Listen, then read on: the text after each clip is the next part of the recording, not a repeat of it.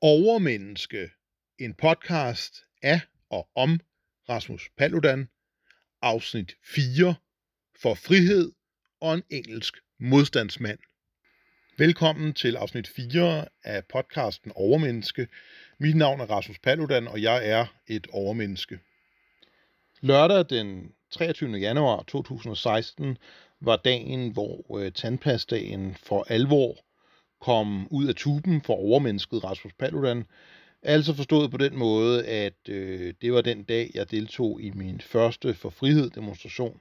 Og øh, som jeg sagde i øh, den øh, seneste podcast, så er det jo sådan, at når man først har gjort det, så er det ikke muligt at få tandpastaen tilbage i tuben. Så er man brændemærket som, øh, ja, af venstrefløjen er man jo brændemærket som en hel masse meget ubehagelige antidemokratiske øh, ting. Og øh, det gør mig egentlig ikke så meget, men det var da en overvejelse, som jeg tror mange mennesker gør sig, om, øh, om jeg virkelig var villig til at øh, bære de konsekvenser, det ville have at risikere at blive hadobjekt for øh, venstreekstremister.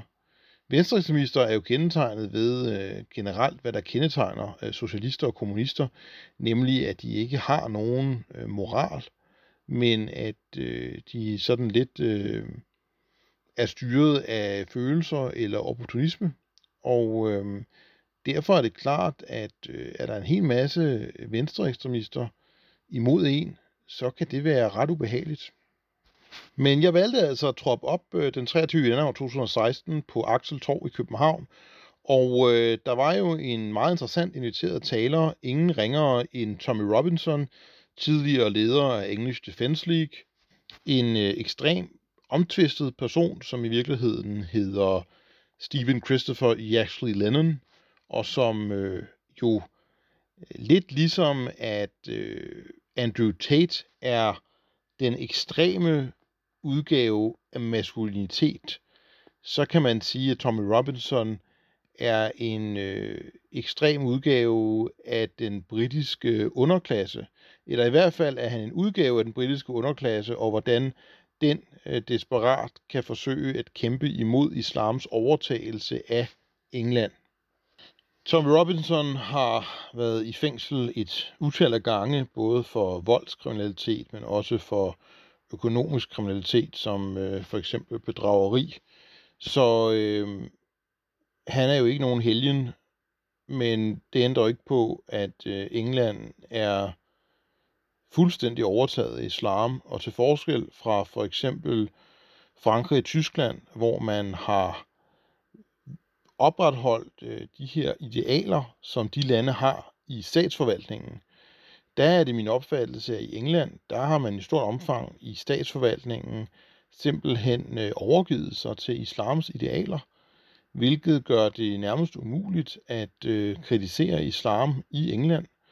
Det kan man jo se blandt andet på, at øh, London øh, nærmest er mere pakistansk end, end noget andet, og at øh, den pakistanske borgmester i London, som jo også er leder, øverste chef for politiet i London, jo ikke øh, satser ressourcerne på at stoppe de knivdrab og knivoverfald, som hæver London, men hellere vil have, at politiet møder op og anholder folk og sigter dem, hvis de har kritiseret islam på sociale medier. Så England er en øh, dybt, dybt øh, forstyrret øh, failed nation, som øh, jeg jo også bemærkede øh, ganske for nylig, da jeg jo øh, annoncerede, det var dog øh, noget optimistisk, at jeg ville komme til Wakefield og øh, brænde en koran og demonstrere, fordi en øh, øh, britisk øh, 14-årig dreng var blevet øh, mortruet gentagende gange af muslimer, fordi han havde beskadiget en koran, vel at mærke hans egen koran, som han havde haft med i skole i øh, Wakefield. Og det resulterede så i, at der blev indkaldt til et møde i den lokale moské, hvor der blev foretaget en slags sharia-domstol øh, mod drengen og hans mor, begge ikke muslimer, vel at mærke, men etniske englændere. Og der øh, skulle hun så undskylde og fornedre sig selv og gå på knæ nærmest øh, for, for drengens øh, øh, gerning og kalde ham en silly boy, mens der så sad en øh, imam og var overdommer og anklager og henholdsvis øh, øh, var tilgivende over for hende, men samtidig øh, øh dybt troende, sådan en good cop, bad cop. Øh, altså, øh, og understreget, at muslimer vil aldrig acceptere, at man øh, krænkede Koranen, underforstået, at de ville blive slået ihjel, dem der gjorde det. Og så selvfølgelig, ja ja, men hvis din øh, dumme dreng har gjort en fejl, så kan vi selvfølgelig godt tilgive det, fordi vi er jo fredens folk. Altså det er jo ikke overraskende, fordi sådan er islam jo, taler med to tunger. Men det som er, er ret vildt, det er, at der sad også en politikommissær og en øh, leder for skolen til den her selvbestaltede sharia-domstol. Og det var der ingen tvivl om, at øh, England har rigtig meget brug for nogen, som tør tage kampen op mod islamiseringen af England. Og der er ingen tvivl om, at de første ofre for islamiseringen, ja, det er jo dem, der ikke har penge til at bo andre steder, end der, hvor islam rykker ind. Og det er den engelske underklasse. Og den engelske underklasse er ikke noget, øh, vi har en øh, helt pendant til i Danmark. Og øh, derfor kan det jo godt forekomme øh, lidt overraskende, at, øh, at der findes sådan nogle mennesker som Tommy Robinson.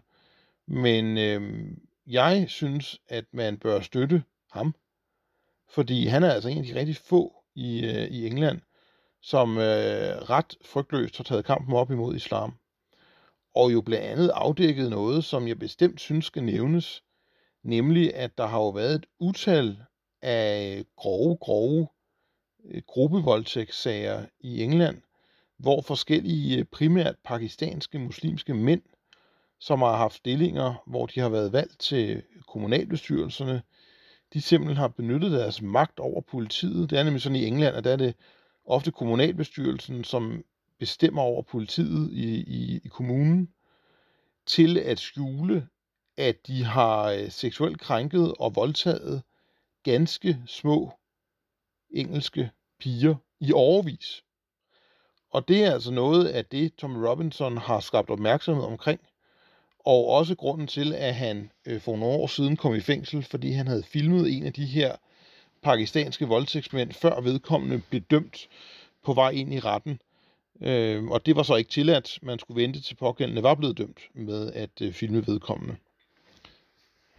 Og hvis man øh, er i tvivl om, øh, hvor, hvor stor en trussel mod etablissementet og øh, islams overtagelse af Storbritannien, som øh, Tommy Robinson udgør, så kan man jo bare se på den måde, han er blevet bekæmpet, bekæmpet altså totalt cancelet fra sociale medier. Det er jo sådan på Facebook, at øh, man får karantæne i et antal dage, hvis man øh, skriver navnet Tommy Robinson i et opslag eller en kommentar. Det er øh, ret ekstremt, og øh, det samme er jo så også retsprocessen mod ham, hvor at han i første omgang fik et års fængsel i løbet af en retssag, der tog øh, 10 minutter, for at have filmet den her pakistanske øh, voldtægtsmand. Så jeg synes, det, det er meget relevant, at den slags personer, uanset øh, hans øh, noget øh, øh, alvorlige kriminelle øh, habitus, får mulighed for at blive hørt. Og øh, derfor øh, synes jeg, at det er øh, godt, at han kom og holdt en tale til denne forfriede demonstration, som altså var min første. Det er jo sådan i demokrati, at øh, ytringsfriheden gælder altså også for folk, som man ikke øh, bryder sig om. Og det kan jeg jo personligt glæde mig over, for der er jo rigtig mange i etablissementet, dem jeg vil kalde øh, dem, der har skader i sindet, som synes, det er dejligt, at øh, danske unge bliver fornedringsrøvet og voldtaget og ydmyget og fornedret, som heller ikke vil have, at jeg skal komme til ord overhovedet. Så øh, det er måske også en medvirkende årsag til, at jeg øh, er noget åben for, at, øh, at ytringsfriheden gælder for, øh, for alle. Og øh, Tom Robinson, han har jo øh, aftjent sin straf for de ting, øh, han har gjort. Men øh, jeg mener som sagt også, at der er en, øh, en meta-analyse i hele den her sag, fordi øh, den engelske underklasse er generelt øh, bare øh, anderledes, end hvad vi har at, at sammenligne med i, øh, i Danmark. Og øh, dem i underklassen i England, og det er rigtig mange mennesker, de skal jo også have en stemme. Og øh, derfor synes jeg sådan set, at på den måde er det godt, at, øh, at de har en autentisk øh, stemme øh, i Tommy Robinson, selvom han ikke hedder det. Det var også øh, på det personlige plan øh, ret specielt at, øh, at gå i den her demonstration. Jeg havde jo taget fint tøj på. Jeg havde en øh, blå øh, frakke med øh, grå kontrast, som jeg havde fået specialsyet af en skrædder i øh, Thailand. Og den havde jeg på, og øh, et fint slips og en hvid skjorte. Og det var ikke helt det tøj, som øh, andre i demonstrationen havde på. Så jeg stod nok lidt ud, men øh, det har jeg sådan set ikke noget imod. Jeg synes, øh, det er fint, hvis man er pænt øh, påklædt, og øh, heldigvis er det jo sådan, at vi ikke alle sammen behøver at have den samme slags tøj på. Men jeg blev fotograferet af Redox der, og øh, det betyder jo, at den dag i dag kan man øh, se øh, præcis, hvordan jeg så ud til den første for frihed demo, jeg var med til, for der er et fint billede af mig inde på Redox hjemmeside, og det var jo det, jeg havde forudsat ville kunne risikere at ske. Det var også øh, en speciel oplevelse at opleve, hvordan øh, de her øh, autonome venstreekstremister og muslimer, som omgav demonstrationen, de tædede sig. Og øh, det var jo nærmest som, som aber. Altså, de råbte og skreg jo og, øh, og mobbede øh, med, med chikanøse tilråb af den anden verden. Det var nærmest som om, at enhver form for regel omkring, hvordan man opfører sig over for andre mennesker i Danmark, den var blevet ophævet. Og øh, det var godt, der var politi, fordi nogle af dem var jo ekstremt aggressive og ville helt sikkert have tydet til vold, hvis der ikke var politi til stede. Og øh, det lyder jo ikke unormalt, når man er mig, kan man sige, men man skal huske, på det her tidspunkt, der havde jeg jo ikke selv holdt nogen demonstrationer overhovedet, og heller ikke nogensinde deltaget i en demonstration, hvor den slags kriminelle prøvede at øh, nedgøre og angribe demonstrationen. Så her i januar 2016, der var det ganske nyt for mig der havde jeg jo i øh, halvandet år arbejdet som selvstændig advokat, og det var det, min tid var gået med. Og så havde jeg været til et par meget rolige møder, som jeg fortalte om i den seneste podcast i, øh, i Trykkefrihedsselskabet og et enkelt møde i Lars Vilds komiteen. Så det her var noget helt nyt. Men jeg er rigtig glad for den dag i dag, at jeg gjorde det. Desværre er der jo ikke for frihed demonstrationer længere i øh, København, men øh, det var der i hvert fald øh, et år eller to øh, frem efter fra øh, januar 16. Og øh, det, det gjorde, det var blandt andet, at jeg øh, fik muligheden for at møde andre øh, ligesindede, mere eller mindre. Nu var det jo en blandet skare, der, der mødte frem til øh, de her for frihed demonstrationer. Så, så selvom fællesnævneren var øh, opposition mod islamisering af Danmark, men det er naturligvis sådan i, i enhver gruppe, at man er ikke enige om øh, alting. Og øh, det gælder jo også politiske partier i øvrigt. Jeg øh, var glad for at øh, møde forskellige mennesker der, som jeg var i stand til at øh, etablere øh, venskaber med. Og i hvert fald også nogen, som jeg kunne blive bekendt med, og nogen, som jeg i hvert fald var politisk allieret med. Det er jo sådan, at øh, i en af mine stile i gymnasiet, der skrev min øh, dansklærer til mig, hun hed Margrethe Chalve, og hun skrev noget i retning af, jeg håber, at du en dag bliver en stor mand, men selv store mænd har brug for venner. Og det er jo rigtigt på så mange måder. Øh, for det første fungerer man jo svært som menneske, hvis man ikke på det personlige plan har øh, venner, som man har gensidig sympati med. Men også på det politiske plan er det nødvendigt at have nogle kampfælder. Og det var faktisk, hvad øh, for frihed gav at øh, der var nogen der, som øh, jeg fik øh, etableret kontakt med, som øh, faktisk var øh, meget vigtige i øh, det fremtidige virke for mig. Blandt andet øh, Ronny, som jo i en tid var næstformand i øh, Stram Kurs, og som var med i to år som øh, kameramand, når øh, vi demonstrerede og blev kendt i hele Danmark altså partiet blev kendt. Øh, men også flere andre øh, mødte jeg enten til forfrihedsdemonstrationer eller i forbindelse med arrangementer, som udsprang af forfrihedsdemonstrationer. Så det øh, skal man ikke undervurdere, at det var faktisk en meget vigtig beslutning at deltage i det, for at etablere nogle menneskelige relationer, som gjorde mit videre politiske arbejde og kamp for det danske folk muligt. Sideløben med det, der øh, deltog jeg, eller skulle have deltaget i endnu en møde i øh, Lars Vils komiteen øh, på Christiansborg. det må man nok sige, det blev ikke til så meget. For da jeg gik igennem sikkerhedskontrollen, der øh, sagde jeg så til sikkerhedspersonalet i øh, Christiansborg, at jeg havde en attrappistol øh, på mig. Det må man jo gerne i Danmark, og øh, jeg kan da godt afsløre, at øh, det var jo tofold øh, årsager til det. Øh, for det første synes jeg, at det var øh, en, en øh, politisk protest imod, at, øh, at man ikke må være øh, bevæbnet i Danmark, hvilket jeg synes er absurd til betragtning, at politiet jo i større og større grad ikke beskytter danskerne mod øh, vold og mor eller voldtægt. Øh, og derfor ville det jo være interessant at se, hvordan øh, de reagerede på, at man helt lovligt havde en, øh, en legetøjspistol med. Nu var det ikke en legetøjspistol, den så noget mere rigtig ud end det, og vejede også noget mere, men stadigvæk. Og det andet er selvfølgelig, at, øh, at det faktisk kan være en god idé at have sådan en på sig, fordi hvis man bliver truet med en kniv og så sådan en frem, så kan det altså godt have den effekt, at knivmanden ikke synes, det er så sjovt længere.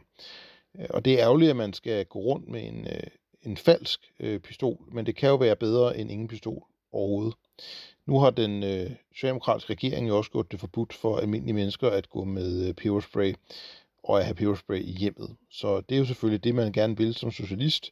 Minimere folks mulighed for at forsvare sig selv mest muligt, sådan at det kun er øh, staten, der kan forsvare en, men staten kan jo også vælge at lade være med at forsvare en.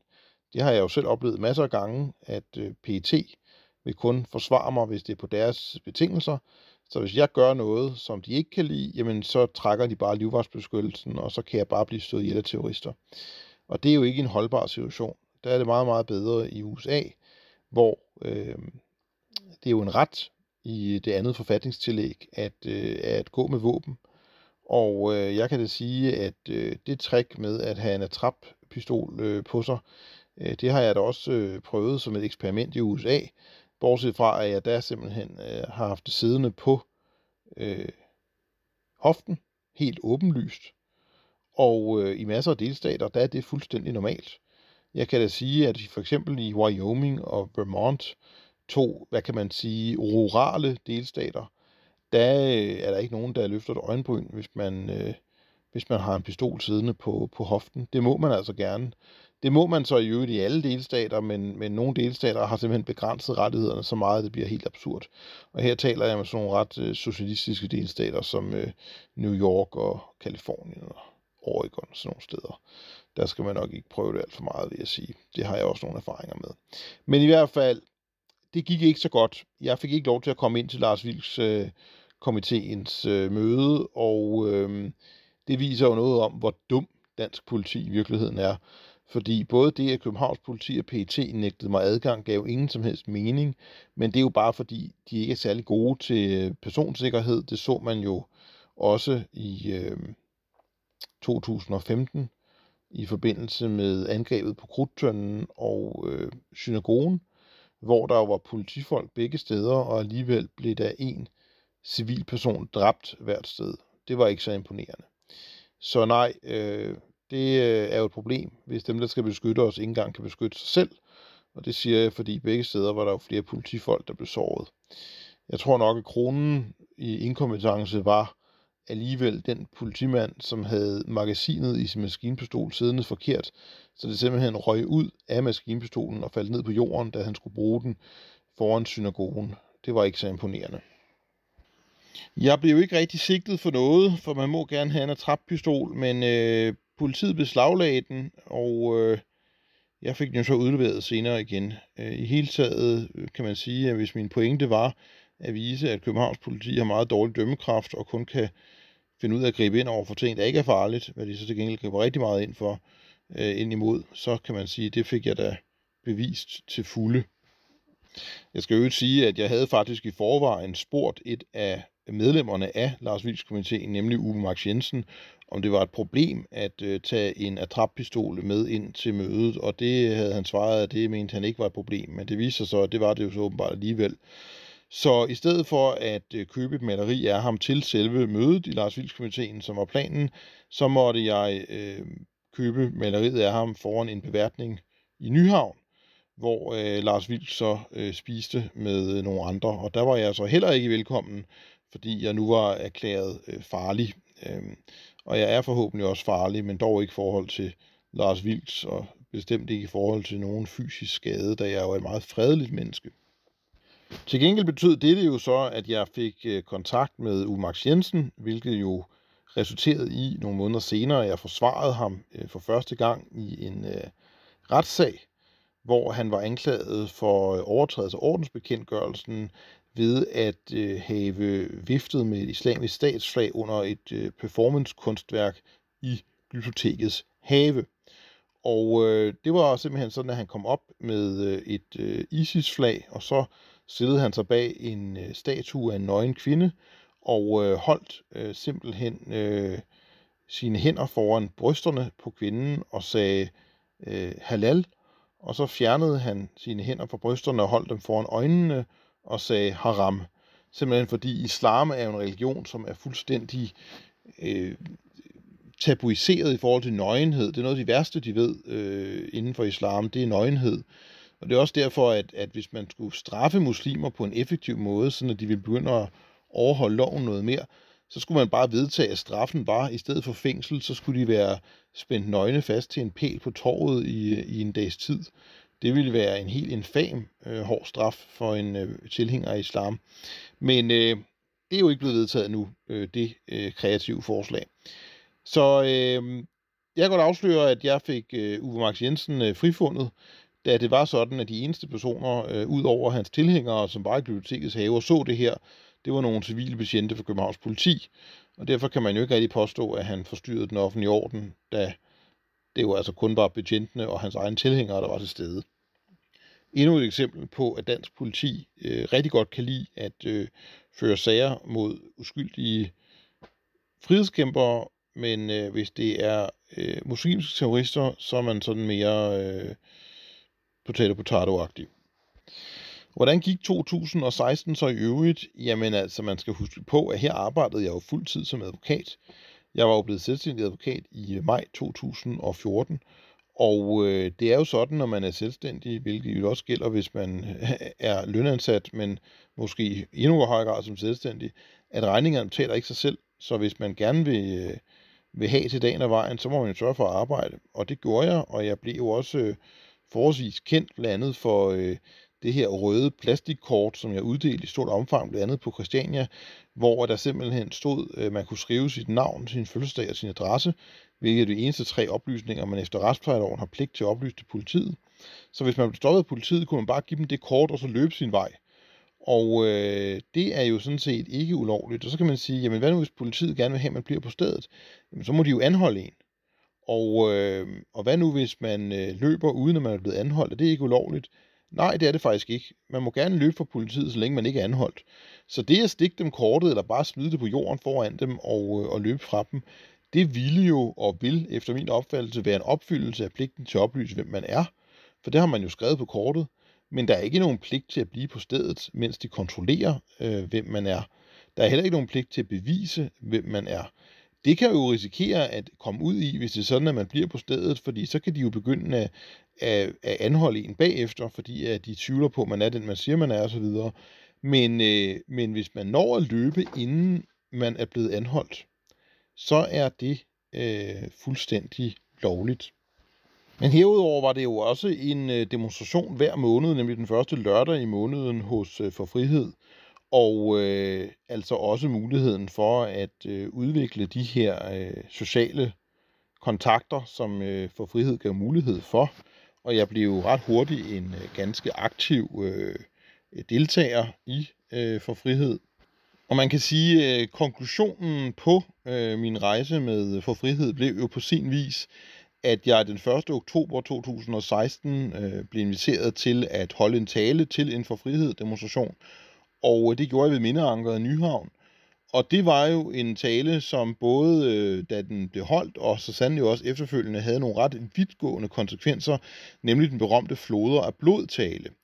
Og floder af blod refererer til øh, den tale, som den britiske konservative politiker, brigadegeneral og professor i klassisk filologi, det vil sige klassisk græsk og latin, Enoch Powell, han holdt den 20. april 1968 i Birmingham. Og ganske vist sagde han ikke floder og blod på noget tidspunkt i talen, men den er efterfølgende blevet kendt som floder af blodtalen, Og det handlede simpelthen om, at han advarede om i bund og grund, at indvandringen fra Commonwealth-landene til Storbritannien, altså de tidligere britiske kolonier til Storbritannien, ville gøre, at ikke øh, etniske englænder meget hurtigt ville få magten i Storbritannien. Og det har jo vist sig at være en forudsigelse, som i den grad var korrekt. Det gik bare noget hurtigere måske, end han havde forestillet sig, og han fokuserede heller ikke på islam, han fokuserede generelt på øh, personer af anden øh, etnisk oprindelse og anden kultur og anden baggrund end englænder, og det er jo sådan, England er blevet nu, så han havde fuldstændig ret. Og der er faktisk mange, der mener, at fordi han holdt den tale, hvor han ligesom øh, berørte nogle tanker, som mange almindelige britter gjorde sig, øh, var det faktisk muligvis årsagen til, at det konservative parti helt uventet vandt øh, valget, der blev holdt øh, efterfølgende til øh, underhuset i øh, England. Men øh, for Enoch Powell selv var det ikke nogen succes, fordi han blev jo simpelthen for evigt øh, nærmest udstødt af det konservative parti i øh, Storbritannien. Men øh, det han sagde blandt andet, at han øh, følte sig som romeren, øh, der sad ved Tiberen, der nu er mudret af meget blod. Og øh, som en hyldning af den tale, der talte jeg blandt andet om, øh, at vi skulle forberede os på øh, borgerkrig, forberede os på at øh, bekæmpe øh, fremmede fjender, hvilket er fuldstændig rigtigt. Øh, det man kan sige, jeg gjorde i den tale, det var, at jeg prøvede at motivere folk til at tage kampen op mod øh, overtagelsen af Danmark øh, af fremmede fjender. Og øh, der øh, kan man sige, at jeg nævnte jo ikke øh, muslimer med et eneste ord i den tale. Og øh, det er selvfølgelig fordi, at øh, jeg ikke talte om muslimer, men jeg talte om fjender af Danmark. Og de kan jo være mange forskellige typer. Jeg mener bestemt, at islam er en fjende af Danmark, men øh, man kan jo ikke udnævne hver enkelt muslim til at være fjende af Danmark. Øh, for eksempel kan man sige, at der er jo rigtig mange muslimer, som aldrig nogensinde har hørt om Danmark, og derfor allerede af den grund ikke kan sige at være fjender af Danmark.